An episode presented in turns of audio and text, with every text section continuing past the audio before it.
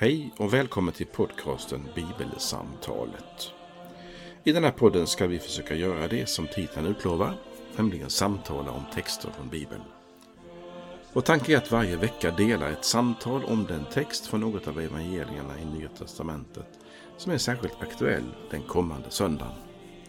Fokus är just samtalet. Kanske kan det inspirera fler till att samtala om bibeltexter. Välkommen att vara med i samtalet på något sätt. Vi som gör den här podden det är Fredrik Borglin, kommunister i Istorps pastorat och Karl Magnus Adrian, präst bland annat tidigare i just Istorps pastorat. Välkommen att vara med.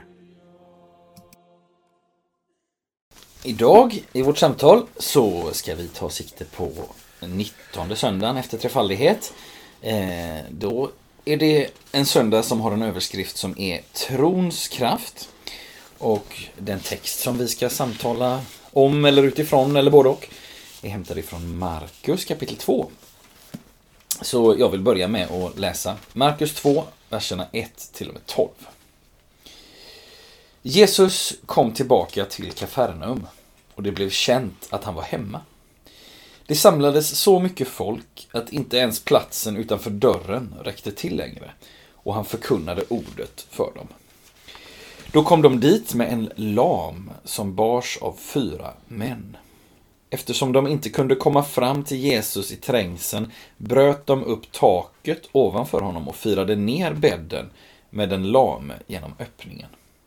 När Jesus såg deras tro sade han till den lame, mitt barn, dina synder är förlåtna.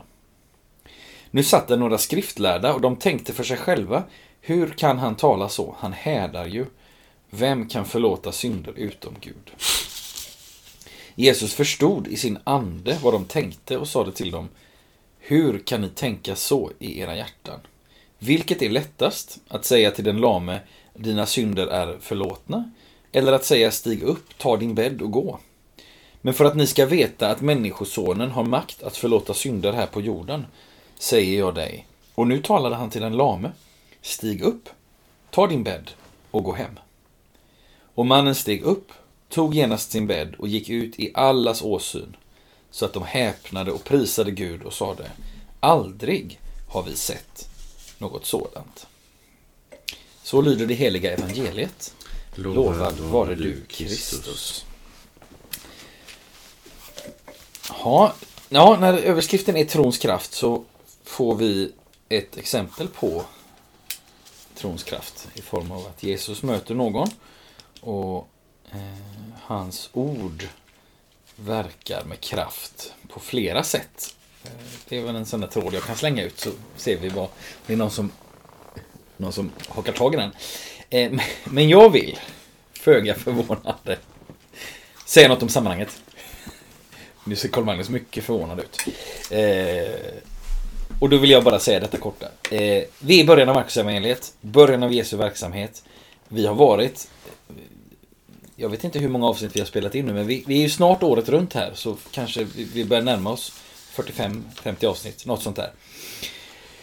Vi har varit i Markus 2 innan och då har jag sagt så här att det här, hela detta kapitlet tänker jag eh, vill jag liksom slå en, en överskrift över och det är eh, konfrontation. Alltså Jesus det är konfrontation mellan Jesus och hans motståndare, det judiska religiösa ledarskapet, gällande lite olika saker. För några veckor sedan så var vi i detta kapitlet och då handlade det om lärjungarna som plockade ax på sabbaten. Alltså då var, då var det konflikten om sabbaten. Det har också varit lite olika eh, syn på fasta i det här kapitlet. Det har varit lite olika syn på detta med rättfärdiga och syndare och vägen till Gud. Jesus talar om att det är inte de friska som behöver läkare och sådär. Och nu i våran text så handlar det om förlåtelsen. Och man kan väl säga så här att det är väl ingen konflikt om förlåtelsen här.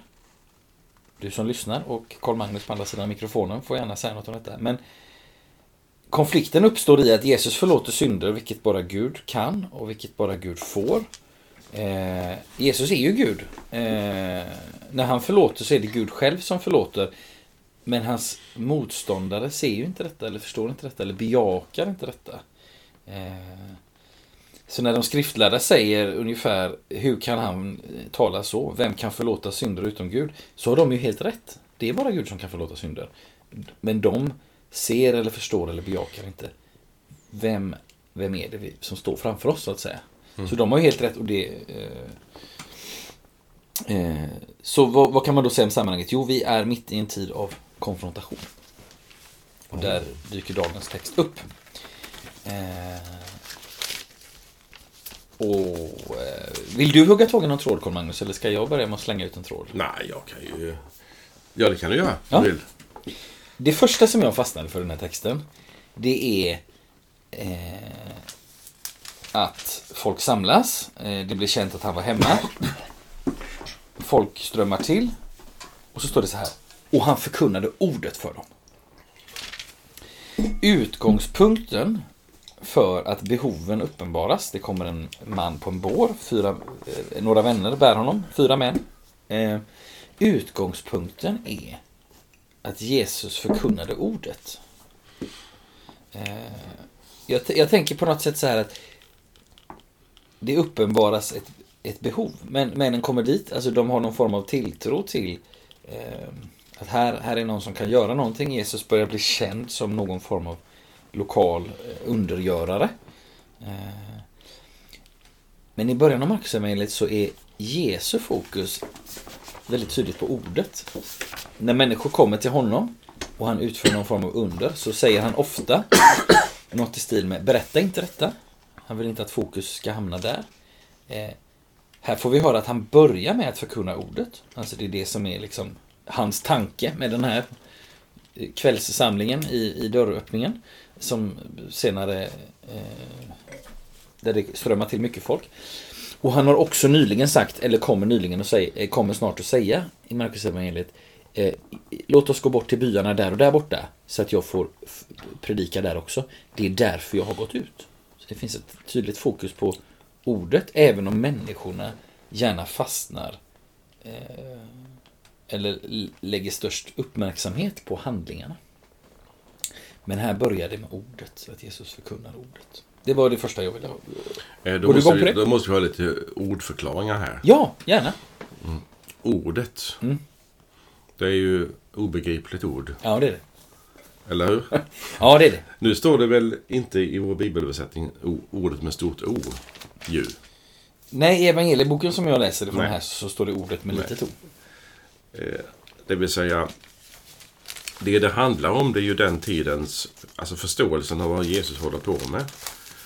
Och det finns ju många antydningar i evangelierna om att Jesus uppehåller sig vid den skrift och de skrifterna som var accepterade, som hade plats i samhället, som var självklara. Det vill säga det vi kallar för Gamla Testamentet. Och det var så självklart så att hela, existen, hela Israels folks existens vilade ju i denna skriftsamling. Eh, För att nu tänka på oss. Eh, Vi som är, bor i Sverige, vi, har, vi som är äldre, och jag tänker på mig själv nu till skillnad från dig Fredrik. Vi har i skolan lärt oss ju massa kungars namn och när de regerade. Just det. Fick du lära dig det? Eh, eh, inte sådär att jag kan eh, Sveriges Men- kungalänk från Gustav Vasa framåt, Men, men, men jo, jag har ju fått lära mig en och annan. Ja. Och kan placera in kanske några stycken. Jaha, vet du vilket århundrade som Gustav II Adolf levde? 1600-talet. Åh, begåvat. Ja. Eh, det var mycket sånt ju. Mm. Ja, och man brukar säga att Gustav Vasa 1523 när han så att säga rider in i Jerus- Jerusalem, i, i Stockholm, ursäkta ord. Eh, Det är liksom där föds Sverige som nation genom Gustav Vasa. Ja. Han befriar oss från Kristian och sådär. Ja. Och sen så blir Sverige ett lut- evangeliskt lutherskt land och sådär. Det är ju, ska jag säga, en identitet för Sverige för tidiga generationer svenskar. Ja. Alltså historien var levande. Det gäller inte idag. Nej. Vi har inget historiskt medvetande. Nej. Kommer du till Israel idag och Palestina så är det ju en historisk medvetenhet som är helt annorlunda. Mm. Kommer du till nuvarande eh, Bosnien, Hercegovinas Jugoslavien Mm. så finns det en historia som inte är så gammal. Mm. Kommer du till Tyskland så vet du mycket väl vad som hände 1989 när muren föll. Mm. Det är mycket levande historia. Men inte i Sverige. Nej. Men på Jesu tid i Palestina, Israel, eh, så var historien levande. Och därför är ordet, det är ju det ordet som innehåller historiska beskrivningar och profetiska ord och psalmer till exempel. Så denna enorma skriftsamling handlade inte bara om någon religion, som vi kallar för judendom, utan det var en identitet. Alltså, de- var, det var en bok som handlade om dem. Så b- bara man slår upp Gamla Testamentet på Jesu tid, aha, det är oss det handlar om. Det är folket, Guds egendomsfolk. Så är det. Och därför så sysslar Jesus med den skriften som alla känner till, mer eller mindre. Eller hur? Är du med? Ja, men. Ja. Och då, för när vi hör att Jesus utlägger ordet så tänker vi ofta nu predikar han som en präst gör på söndagen i gudstjänsten. Men det är ju inte det han gör. Nej.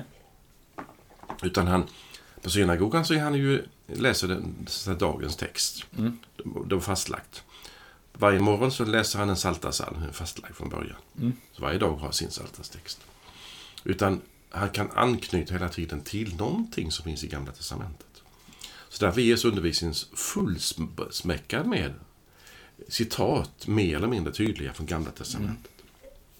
Och nu står han där och predikar. Och då tror jag att det finns två eh, delar av Jesu predikan. Den ena predikan den är sån att han, alltså han talar om Israel, framtiden. Och det är där som han är som det är politiskt laddat på Jesu tid. För då väntar de sig att, att han är en Messias som ska leda dem ut ur ockupationen från romarna. Alltså, det finns en politisk poäng med Gamla Testamentet i Jesu tid. Att det ska bli tillbaka, de ska få tillbaka sitt fiende, sitt stora land. Men det andra som vi ofta tar sikte på, det är ju kan säga, den kristna och den judiska tolkningen av Gamla Testamentet. Där Jesus hela tiden utlägger vem han är och vad som är poängen utifrån Gamla Testamentet. Och därför är hans undervisning så intressant för folk. Så de säger, ingen rabbin, alltså lärare, har undervisat som han. De är helt betagna av hans, hans predikningar. Det är inte någon som står och maler i ett hörn, utan han, det är en levande förkunnelse. Man skulle kunna tänka sig att, att det är mycket han kan kommunicera med Bibeln, med dem. Alltså, han undervisar utifrån Bibeln, som han alltid gjorde. Och så, han säger ofta att jag har inte kommit att upphäva ett enda kommatecken, eller bokstav skulle vi säga på svenska, av Gamla Testamentet. Eh, och då är de samlade, och bara det att det är så mycket folk samlade så att de får inte ens plats. Det måste ju innebära att det är en enorm popularitet hos Jesus. När han undervisar om ordet. Tänk dig vilken predikant som drar fullt hus idag, Fredrik. Gör du det? Det gör jag inte. Nej, det är lite annorlunda. Men Jesus är väldigt populär och han undervisar på ett visst sätt. Det var min första, eh, alltså den är ju inte föga intressanta kanske kommentar. Så, Men jag vill ändå ge den. Eh, då vill jag lägga till någonting. Eh, ytterligare en skillnad mellan Jesus och eh, nutida predikanter eh, är att Jesus, när han förkunnar ordet, så ska man också komma ihåg att eh, till exempel Johannes evangeliet talar om Jesus själv som ordet. Det vill säga Jesus sätter alltid in sig själv i det som sker. Det gör inte jag. jag sällan har jag eh, predikat i en kyrka, det har aldrig hänt och det kommer aldrig att hända heller hoppas jag. Eh, där jag på något sätt försöker eh, lansera min egen nyckelroll i det som nu sker i denna speciella tid. Jag tackar dig för att du inte gör det. Nej. Eh, vi kan ta ett exempel. I Lukas 4 är Jesus i Nasarets synagoga. Och då läser han ifrån, jag kan läsa vad han läser. Han läser från Jesajas bok, han, han, han läser följande ställe. Herrens ande är över mig, ty han har smort mig till att frambära ett glädjebud till de fattiga. Han har sänt mig att förkunna befrielse för de fångna och syn för de blinda. Att ge dem förtryckta frihet och förkunna ett nådens år från Herren. Och så rullar han ihop boken och ger den till tjänaren och sätter sig. Alla i synagogan tittar på honom. Då börjar han tala till dem och sa det. Idag har detta skriftställe gått i uppfyllelse inför er som hör mig. Alltså han sätter in sig själv i, eh, i, eh, i det som sker. Eller det som han, i, de, i, i, i, de, i Bibeln. Liksom. Just det. Eh, nu är inte det huvudsaken i texten Nej, idag. det är inte. Men, men det, eftersom du började med den så tänkte jag att det kan ju vara intressant också att notera att Jesu, ska vi säga, bibelundervisning eh, pågår ständigt hans, när han möter människor. Ja. Och plus det du sa så bra, det vill säga det han förkunnar och han till exempel botar sjuka. Så det är handling och det är undervisning. Eh, Men då kan jag då se vidare i texten. Ja, tack gärna. En lam man bars fram av fyra män. Mm. Men de kom inte fram, för det var trängsel. Då gör de hål i taket. Det är ju platt tak naturligtvis på den tiden. Mm. Och så firar de ner denna bädd framför Jesus. Så det kommer ner. Oh, kommer ner. Mm. Med sig. Där börjar jag med min kommentar. Mm. Följande. Eh, nu vill jag... Jag är den lame mannen nu. Mm. Jag är där hemma och det har varit synd om mig hela mitt liv. Men jag har många vänner som är hos mig ibland. Och så tänker jag, tänk om jag kunde bli frisk. Men det är otroligt för att jag har en sjukdom som är jättesvår. Men så har ryktet spridits, och du antydde ju det för en stund sedan, att Jesus är känd i de här områdena. Han är i sin hemstad där han bodde efter han har bott i Nasaret. Och han är, eh, som vi vet, han har samlat jättemycket människor i Galileen, det norra området. Så att folk vet ju rätt mycket om vad som har hänt kring Jesus. Eller hur? Så måste det vara. Och då tänker han, tänk om han kunde bota mig. Eller så är det vännerna som säger, tänk om Jesus kan bota dig. Och då kommer de överens om någonting som gör att de ska bära fram den här mannen till Jesus. Och där börjar jag min lilla reflektion. Och det är, om jag har hört någonting om Jesus. Det kan vara mycket eller lite. Och så tänker jag, tänk om han kunde hjälpa mig. Mm. Det är den här första tron Mm. som kan tändas hos oss människor. Och den, den har vi kallat ibland för längtans tro. Mm. Den är inte alls säker, den är inte övertygad och den är inte, kan inte liksom, man kan inte skryta med den och man kan inte berätta för sina vänner att jag tror så mycket. Utan man är kanske väldigt, väldigt diskret om sin tro också. Skulle någon fråga mig, nu är jag den lama på låtsas alltså. Tror du på Jesus, Karl Magnus? Nja, folk pratar ju mycket om honom och det vore ju kul att få träffa honom. Men jag vet inte. Men inne, innerst inne hos mig tänker jag, ja men det är min sista chans. För jag har varit hos folk som har försökt hjälpa mig och ingen kan hjälpa mig. Och då föds längtans tro. Nu föreslår jag min kära vän Fredrik mittemot att vi talar några minuter om längtans tro. Mm. Nu har jag slagit för an tonen om Mm. längtans tro. Mm. Så vill jag ha en, eftersom vi inte har förberett detta, Nej. så vill jag ha en spontan reaktion på dig, hos dig. Eh, Hur reagerar du på ordet längtans tro? Fredrik kliar sig i nacken, kan jag berätta för er som Mm. inte, som inte ser honom. Eh, nu, har ju du, nu har ju du försett oss med lite av en beskrivning av det här. Du, du Jo, gick det, in i det, rollen. det är jag. Ja. Jag är ju lam nu Eh, och ja. längtar. Ja. Men Och, när du hör detta, och jag, du sa ju också så här att jag har varit hos andra som... Eh, jag har varit hos andra som kanske har försökt hjälpa mig och det finns ju också bibelberättelser. Jag tänker på den här... Eh, det är en, det är någon, någon kvinna med blödningar och, Men- och hon har varit... eh, ingen kunde hjälpa henne. Ingen, och snarast blev hon sämre skriver Ja, Marcus ja. om detta. Det, och, och, då, och då har de på något sätt, och hon är ändå så, hon, eh, hon har kommit så långt eh, i, i, alltså hon har varit hos alla, hon har prövat allt, hon har, det har kostat henne allt hon ägde, hon har Mm. snarare blivit sämre. Det vill säga, hon har haft en längtan väldigt länge efter att bli frisk. Och nu har den riktats mot Jesus och då har den blivit en längtans tro. Får jag bara hoppa in ett ögonblick? Gärna.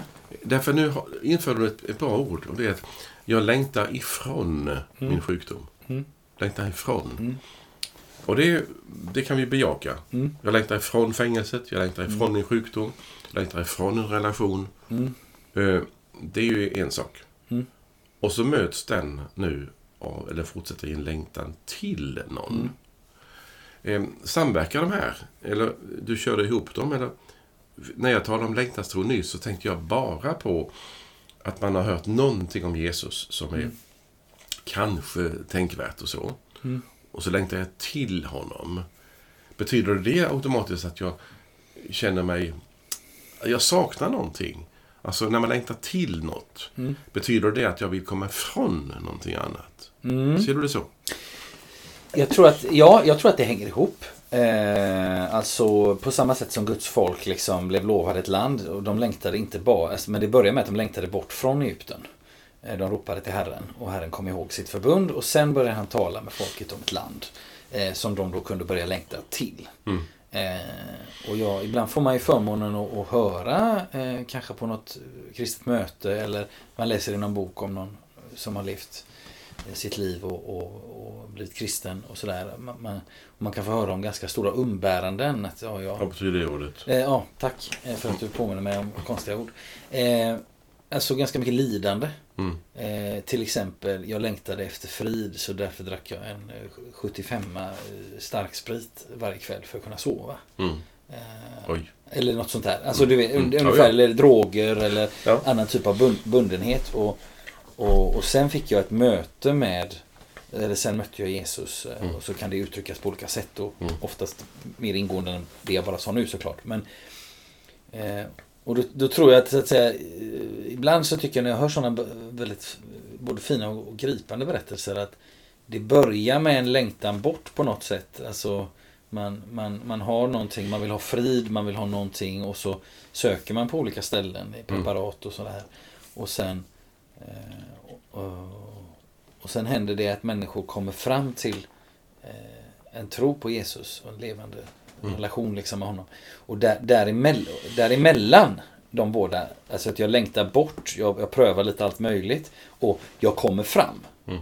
Mellan de båda, nu viftar jag med händerna här, det ser inte du som lyssnar. Men mellan jag längtar bort och jag kommer fram, då längtar jag till. Det är längtanstron. Så tänker jag. Ja, För det är, ju, det är ju någonting som jag saknar och det, det måste ju inte vara så att jag kommer från fruktansvärda situationer. nej, absolut inte. Utan, Och vi ska heller inte jämföra nej. eh, det- nivån av, av eh, ungefär så att vi ska sitta här och, och trumfa över varandra är ju förfärligt vi hade Nej, när vi blev kristna. Precis. Det är inte Nej, poängen nej, nej, nej. Utan eh, varje berättelse om hur en människa eh, kommer till Jesus är värd att ta på mycket stort allvar oavsett detaljerna. Mm. Och tänk då om det handlar om mycket mer än, den, än de här religiösa begreppen som vi, som vi använder just nu. Mm. Man sen vill komma till Jesus eh, så kan det ju vara så här att, att längtanstro föds inte alls av att jag vill komma till Jesus. Utan jag har ett liv som är så, alltså det är så tråkigt eller hemskt Mm. eller lidande. Eller, som jag säger kanske på mitt språk, meningslöst. Eller, det för ingenting till. Nej. Ska jag, kom, ska jag födas hit för att leva x antal år så dör jag. Är det, är det jag? Är det, Mm. är det mitt liv? Och då inser man någonting. Och det är där menar jag som jag tror att längtan till någonting föds. Mm. Och bilden som, får, eftersom vi tar bibeltexter ibland som utgångspunkt är ju den förlorade sonen. Mm. Som lämnar sitt hem och sin pappa och är mycket förmögen. Och, och sen gör han av med alla pengar. Mm. Och kan inte äta sig mätt, inte ens på grismat. Mm. Då, då inser han någonting. Mm. Det står på hos Lukas, han kom till besinning. Alltså han kom till, till sig själv. Han Mm. upptäckte Mm. vad som är längst inne. Mm. Och det tycker jag om. Och det ska jag ta några ord till om Ja, gärna. innan du hoppar in. Jo, alltså upptäckten av att jag innerst inne vill. Mm. Det är någonting annat än vad jag vill. Jag vill någonting som jag vill ta en kopp kaffe eller jag vill ta ett kex. Men innerst inne, Mm. nu ska jag vara högtidlig, vill jag bli älskad. Mm. Alltså, nu nu Mm, mm. skrattar jag åt mig själv. Mm. Men alltså, jag vill någonting. Jag vill Mm. bli rik, jag vill bli frisk. Nej, nej, ta bort det exemplet. Jag vill ha kaffe, jag vill någonting sånt. Men innerst inne vill jag någonting. Och då tycker jag att det det är bra att för mig själv och även när jag pratar med andra ibland att tänka efter att ibland behöver jag bli väl, vänligen provocerad. Mm. Minns att vi hade en fråga för några gånger sedan du och jag. När jag frågade dig så här. Vad vill du att jag ska göra för dig? Mm. Minns du det? Ja, men. Och då tänkte du länge. Mm. Sen sa du ungefär så här. Jag skulle vilja att du, när du ser mig, förstår eller anar vem jag är och vad jag vill. Eller Mm. sånt där. Vad jag behöver tror jag. Ja, Eller, ja. Alltså, inkännandet Ja. vill du. Mm. Medan den ytliga viljan, men, men den är sann. Mm. Du kanske säger, Karl jag vill ha en kopp kaffe till. Mm. Och så hämtar jag kaffe till dig. Det är jättefint ju. Mm. Men innerst inne vill du någonting annat. Mer. Mm. Är du med? Mm. Ja. Då tror jag att när Gud liksom lägger in längtan efter sig, Mm. som jag tror att Gud gör, Mm. så längtar man efter någonting som är obegripligt, ordlöst, inte religiöst, kallar jag det för just nu. Alltså någonting som är som insikt om att det är någonting mer. Mm. Man skulle kunna kalla det för en merlängtan. Mm. Men inte den här överflöd, inte den här lyx mer menar jag. Nej, nej, nej. Inte att jag har tusen kronor men vill ha hundratusen. Det är inte det jag menar. Mm. Utan livet är någonting mer Mm. än det där. Mm. Och jag tror att det är Guds, ska jag säga, första kallelse till en människa. I, i det inre. Mm. Alltså Gud, Gud drar mig till sig på något sätt. Eh, Augustinus säger att min längtan efter dig, Gud, är ditt eget verk. Mm. Alltså att jag längtar, det är du som redan har varit hos mig då. Mm. Men jag kan inte säga att jag tror på Gud eller Jesus eller Bibeln eller så. Mm. Jag har inte fått den tron än. Mm. Är du med? Utan jag, det är någonting som Gud har lagt hos mig som jag längtar till. Och det är ordlöst kanske, det, är, det har inte religiösa begrepp. Men det är någonting jag är på väg till. Mm. Och i det mötet, tänk nu om det är så här att den lame mannen, som jag nyss sa att jag var jag, Mm. längtar att bli frisk. Mm. Och så har ryktet kommit, Jesus kanske kan bota. Mm. Och så upptäcker man, jag kanske vill det. Och sen möts vi två. Jag ligger där på sängen, Mm. eller på bädden, eller på båren. För har hivats ner till Jesus. Och så tittar han på mig och säger, Karl Magnus, dina synder är förlåtna. Då tänker jag, var det det jag längtade efter? Mm. Nej, det tänkte jag inte på. Mm. Utan jag vill bli frisk. Mm. Alltså när, när Gud sen möter mig, så möter han mig med, med någonting annat och någonting mer Mm. än det jag själv hade upptäckt. Mm. Är du med? Mm. Alltså längtanstro, vi får acceptera inte, inte vi får inte liksom vara hårda mot oss själva och säga jag längtar efter någonting kanske lite ytligt, eller lite, få lite bättre. Men kanske innerst inne längtar efter något mer som jag inte vet vad det är. Nej. Och så möter Jesus mig. Och då ger han mig syndernas förlåtelse. Det ska vi prata om sen. Ja. Och då tänker jag, ja men vad, vad, vad är det för någonting? Vad vad håller ni på med i kyrkan? Mm. Men det är början på den levande tron på Jesus som min Mm. frälsare. Jag tänkte på, jag fastnade lite för det här eh, citatet, eh, Augustinus, det här att min längtan är ditt eget verk, Gud. Mm. Eh, också Jesus säger ju att ingen kan komma till mig om inte Fadern Drar, drar honom. Ja. Ja.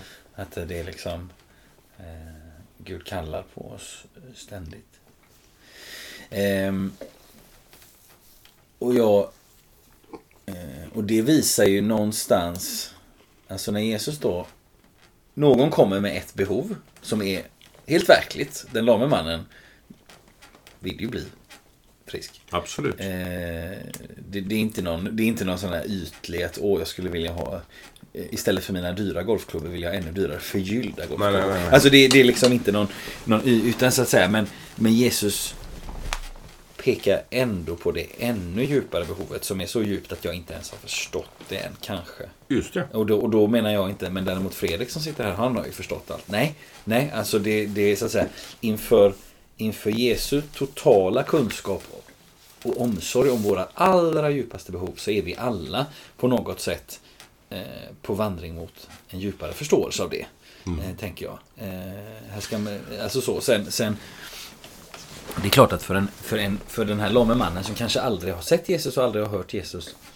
Eh, jämfört med någon som har eh, följt Jesus en tid, någon av lärjungarna har, har hört honom för, för, förkunna ordet, som vi sa, eh, förkunna ordet för dem. Eh, Så kanske de som har hört honom ett par gånger har lättare för att ta till sig och förstå och bejaka på något sätt att Just det, det är det här med synderna och förlåtelse och sådär. Alltså det, det ligger, de har hört det någon gång så det Ja, ligger ja. närmare till hands. Det, det är klart att eh, om Karl Magnus kommer in i, i Öxnevalla kyrka så kommer det också någon som som aldrig varit i en kyrka innan och så börjar vi med gudstjänsten med att bekänna våra synder. Då så att säga slår ju mer saker an i dig som är van vid detta. Mm. Eh, eh, du, kanske känner, åh vad skönt. Och någon annan kanske känner sig omedelbart anklagad. Mm. Jaha, jaha, nu var jag en dålig människa också. Alltså, eh, eller, eller vad det nu kan vara. Liksom. Och, och, eh, Men Jesus har alltid blicken för vårt, för vårt djupare behov. Det betyder inte att vårt näst djupaste behov bara är ytligt eh, blaha. Bra, tack för det. Eh, det, och det ska man vara. Sen, sen kan vi ju ha... Eh, eh, sen det är klart att vi, vi kan ju komma på oss själva ibland. Det kan jag göra i alla fall. Bara så här, jag sitter och tänker på någonting och så. Nej men, nej, men vad, vad tänker jag på nu? Alltså du vet så här, man, man kanske, man, man, man, ser, man ser kanske, Men- möter en, någon som är prövad och så sitter man och tänker på något helt annat. Alltså. Ja. Men du, det gäller ju, det, det du säger nu är viktigt därför att det gäller att inte anklaga sig själv för att man är ytlig. Nej. För det kan man göra hela livet. Utan Gud så att säga, har ju, har ju överseende med det, alltså, om man tycker det är lite dumt.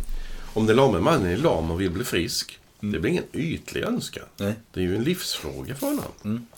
Men om jag är ledsen och blir tröstad och så. va.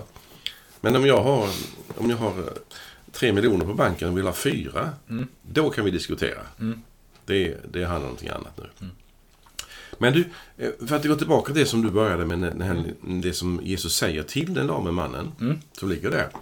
Och som kanske inte tänker på de här orden med skuld och synd. Nej. Så kan vi möjligen ge några ord för detta också. Att om det finns en längtanstro som jag tror och som jag tycker om det själva begreppet. Och som jag tror att Gud liksom håller på med på något vis, med alla människor på något vis. Med, med, med att lägga in någon sorts längtan. Som inte alltid har de, så att säga, de, de orden som folk känner till. Nej. Så det Jesus gör egentligen det är att han griper tag i ett problem som vi skulle kunna tala om först på ett allmänmänskligt plan och sen på ett kristet. Och det är skulden. Alltså vad, vad är skuld som är så stor så att när Jesus träffar en lam man så är det första han säger det är Jag lyfter av dig din skuld. Alltså synden som ger skuld. Eh, Och då kan man ju tycka att jag menar, har den lame mannen gjort någonting fruktansvärt nu? Om det hänger en rövare på korset ihop med Jesus. Vill be- be- på- hitta på att han har, han har dödat fem personer. Våldtagit sju kvinnor. Och mördat till och med ett barn. Det är fruktansvärt. Och så bekänner han sina synder och får förlåtelse. Det kan man tala om en skuld. En verklig skuld mot människor och mot Gud. Om den lame mannen vet vi ingenting. Nej. Och nu tar vi inte först den kristna förklaringen om att skulden sitter djupt hos oss alla. Utan vi tänker, varför möter Jesus den lame mannen med skuldavskrivning som första moment? Det är väl en, en fråga som vi kan ställa. Mm. Absolut. Eh, Och då kan vi ju ge några ord om vi tycker det, du och jag nu, om, om det här med synden och skulden. Men det jag bara slå fast i min lilla reflektion, det är så här. Tydligen menar Jesus att, kolon, skulden och synden är det djupaste problemet för en människa. Skulle du hålla med om den definitionen? Mm. Annars skulle han ju inte starta så. Nej. Och hur kan Jesus mena att synden och skulden är det djupaste problemet för en människa? Där, där jag skulle kunna tänka mig, om vi samtalar med, med både med oss själva och med människor i vår närhet idag. Och du som eh, kanske har fler yngre vänner än vad jag har, men jag har också en del unga vänner. Som skulle kunna säga att, att det där ordet om syndernas förlåtelse, det var nog aktuellt förr mer än det är idag så skulle jag nog ändå kunna i många samtal upptäcka att det som jag kallar för synd och skuld skulle kanske en annan kalla för besvikelse, skam, eh, ledsen för att jag har gjort. Jag förs- besökte inte min gamla mamma när hon var sjuk. Jag känner, jag, jag mår inte bra av det. Dåligt samvete. Ja, alltså man har andra begrepp, tror jag, för det som Bibeln väldigt tydligt talar om synd och skuld. Tror du det? Ja, det tror jag. Och jag tror att ibland så, så tänker människor på synd ungefär som det där som är så roligt. som jag inte får av någon Okej. okänd anledning. Ja. Ehm, jag tror, nej men... ehm, jag tror att man behöver, jag tror att man behöver liksom tala runt det här och beskriva det med olika ord. Ungefär som du gjorde nu. Liksom, att vad, är, vad är det vi vill åt? Eh, alltså det handlar om... I centrum för detta är avskrivandet av skulder. Mm. Alltså det, det är liksom... Där i ligger centrum i det Jesus gör. Alltså... Eh, inte att jag ska komma på eh, varje sak jag har gjort. Eller eh, utan här, hit får jag komma. Eh, detta är, säger han, säger Jesus, mitt djupaste behov. Och jag får lita på det. Mm. Liksom, att det, det, är en, det är skuldavskrivning. Han har liksom, om man nu ska tänka på de ekonomiska termerna. Han har liksom inte bara gått i borgen för mig. Utan han har betalt allting. Mm. Eh. Men när vi försöker hitta ord för detta som är som man kan liksom samtala om innan man kommer in på typ några gamla testamentliga texter som handlar om detta som mm. en hjälp. Mm. Så funderar jag ibland på eh, det som vi pratar om precis nu, om skulden och skammen. Ont i hjärtat, samvetet, eh, ont i magen, må illa. Alltså allt det där som vi bär med oss. Och som man på ett sätt kan säga, det vore skönt om den som jag tänker på hade levt idag. För då kunde han eller hon säga, det är okej okay, Carl Magnus. Eller mm. jag förlåter dig. Någonting sånt. Men nu är personen kanske död. Mm. Och ska man bära på någonting som, som är besvärligt. Mm. Jag tror att det är ganska vanligt för oss människor. Något mm. liknande i alla mm. fall. Och sen kan man ha gjort illa fast man inte tänkte på det. Och det finns personer som har varit våldsamma när de har druckit för mycket sprit, i alkohol. Och, mm. och upptäcker det efteråt och sådär. Alltså, det finns mycket vi har med oss. Och då är det två saker här som jag kommer att tänka på. I dels det som finns i texten mm. och dels som en del av vår allmänkyrkas traditioner. Och det är å ena sidan, den skuld som vi bär med oss eh, ska på något vis göras någonting, det ska göras någonting åt den skulden. Mm. Och för det andra så ska jag gottgöra den skada som jag har åstadkommit, om jag mm. kan. Mm. Och de hänger samman. Eh, går jag för långt nu? Nej. Nej. Om jag tar exempel här som för dig och mig. Jag tror att vi har talat om det förr, men det spelar ingen roll. Eh, om jag då är oförskämd mot dig mm. Och slår till dig mm. där du sitter nu. Mm.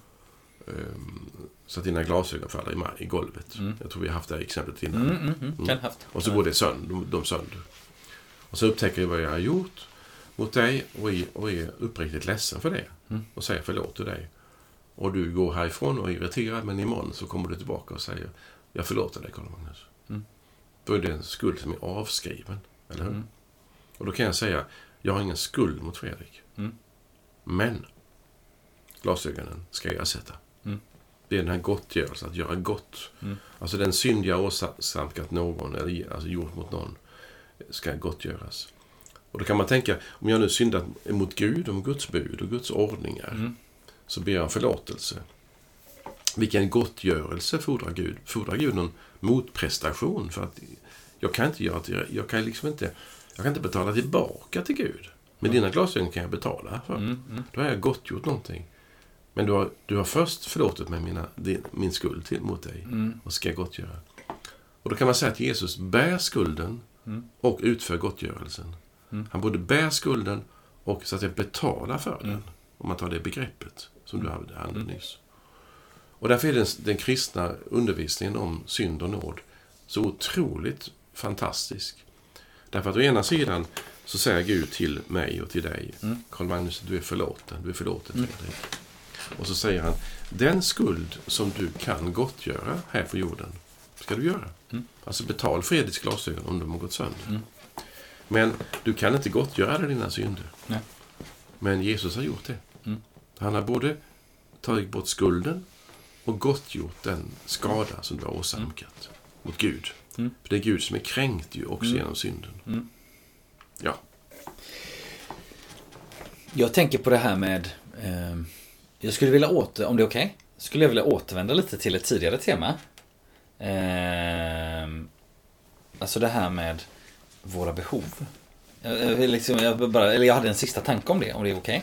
Okay. Eh, alltså, jag, jag tänker mig på ett sätt att i den här situationen, som vi läser om i texten, med det som händer, så, så finns det de mänskliga behoven på tre nivåer.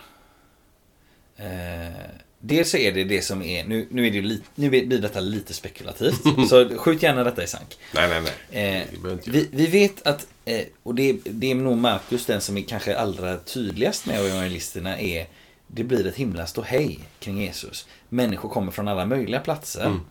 Mm. Eh, för, för dem, alltså ryktet sprids och folk strömmar till. Mm. Och vi vet också från något ställe Johannes att eh, när Jesus förkunnar ordet så, så, så tycker människor att det är outhärdligt. Mm. Alltså, det, det, det, är inte så att alla bara alla som kommer bara direkt bara anammar allting och mm. sen är det frid och fröjd och, och så går, jobbar vi vidare. Eh, det vill säga, jag, jag, tror i den här situationen vi läser om i evangeliet idag eh, så, så tror jag att en hel del människor är där för de har ytliga behov. Absolut. De, de vill ha underhållning. Ja, ja, ja. De vill se, de vill se någon, någon festlig eh, lokal typ mm. som håller på. Liksom. Och det är, så att det är en del av vem vi människor är. Vi har ytliga behov. Absolut. Vi, vi sitter här och samtalar med en vän och tänker vad ska jag äta till lunch? Eller vad det nu kan vara. Liksom, alltså. ehm, och, eh, och sen så finns det liksom de, de, de, eh, de upptäckta djupa behoven. Som till exempel mannen på båren. Jag, jag vill bli frisk. Jag, det, jag, det är mycket synd om den här mannen som du sa. Eh, och det, det, här är ett mycket verkligt behov för honom. Ja. Eh, det är den andra nivån. Och så den tredje nivån som vi sa innan. Eh, Jesus ser våra allra djupaste behov. Syndarnas förlåtelse. Och då ska vi vara, men nu spekulerade jag lite. Jag sa att här finns ett behov som inte, utan det var mer, alltså. Vi får tänka oss att människor kommer dit och, och bara vill se och, och bli lite underhållna. Eh, men vi ska vara försiktiga med de två behoven som finns i texten, alltså nummer två och tre. Eh, vi ska låta dem stå var för sig. För jag, jag, har, upp, jag har mött någon gång de som säger så här att eh, man drar liksom slutsatsen att mannen är lam. Jesus säger dina synder är förlåtna. Då måste det vara någonting han har gjort för att förtjäna. Alltså förstår du? Och det, det finns ju ingen sån koppling i texten. Det var står ingenting om det. Nej, står ingenting om det. Och jag, jag tänker så här. Det vill jag bara, vill jag bara få sagt. Men du, många ord. jag kan bara lägga till att mm. då talar ju vi i vår kyrkas tradition, mm. både vår och den stora katolska kyrkan, om den synd som vi bär med oss. Mm. Eh, även om vi inte vet någonting med oss. Mm. Så är människan skuldsatt. Mm. Och det är en skuld som, som inte kan liksom desarmeras genom att vi sköter oss ännu bättre. Mm. Utan därför behövs det en universell förlåtelse och försoning genom Kristus. Mm. Därför att människan är syndare. Inte hon, hon, inte, hon har syndat, hon, hon är syndare. Det är en begrepp. Mm. Men när du sa det här med ytliga behoven så kan man bara citera Johannes 6, när Jesus ger mat åt massa tusen människor. Mm. Så säger han direkt till dem att ni kom inte hit till mig dagen efter för att ni tror, mm. utan för att ni är mätta. Mm. Så att Jesus, han liksom, det hindrar honom inte från att göra under. Nej. Att vi har ytliga behov. Nej. Men sitter du här och bara längtar till, till lunch om en stund mm. så, och, så, och, inte, inte är närvarande här. Mm. Så säger till Jesus, ja dig kan jag ju inte hjälpa Fredrik. För, för du är ju hopplöst ytlig. Ja. Vi är ytliga. Mm. Men vi ska inte förakta det. Det är ju det är våra behov det handlar om ju. Och det är inte en nedvärdering. Men grejen är bara att Jesus går liksom ett steg djupare kan man mm. säga och lyfta av det. Mm. Ska vi ta en sak till för Ja, ska det, vi snart kan vi göra. Kör. Eh, jag tänkte så här att det finns en grej här som jag alltid har funderat på. När nu den lame mannen har sänkts ner genom kompisarna på båren, mm. så den ligger på, på golvet framför Jesus.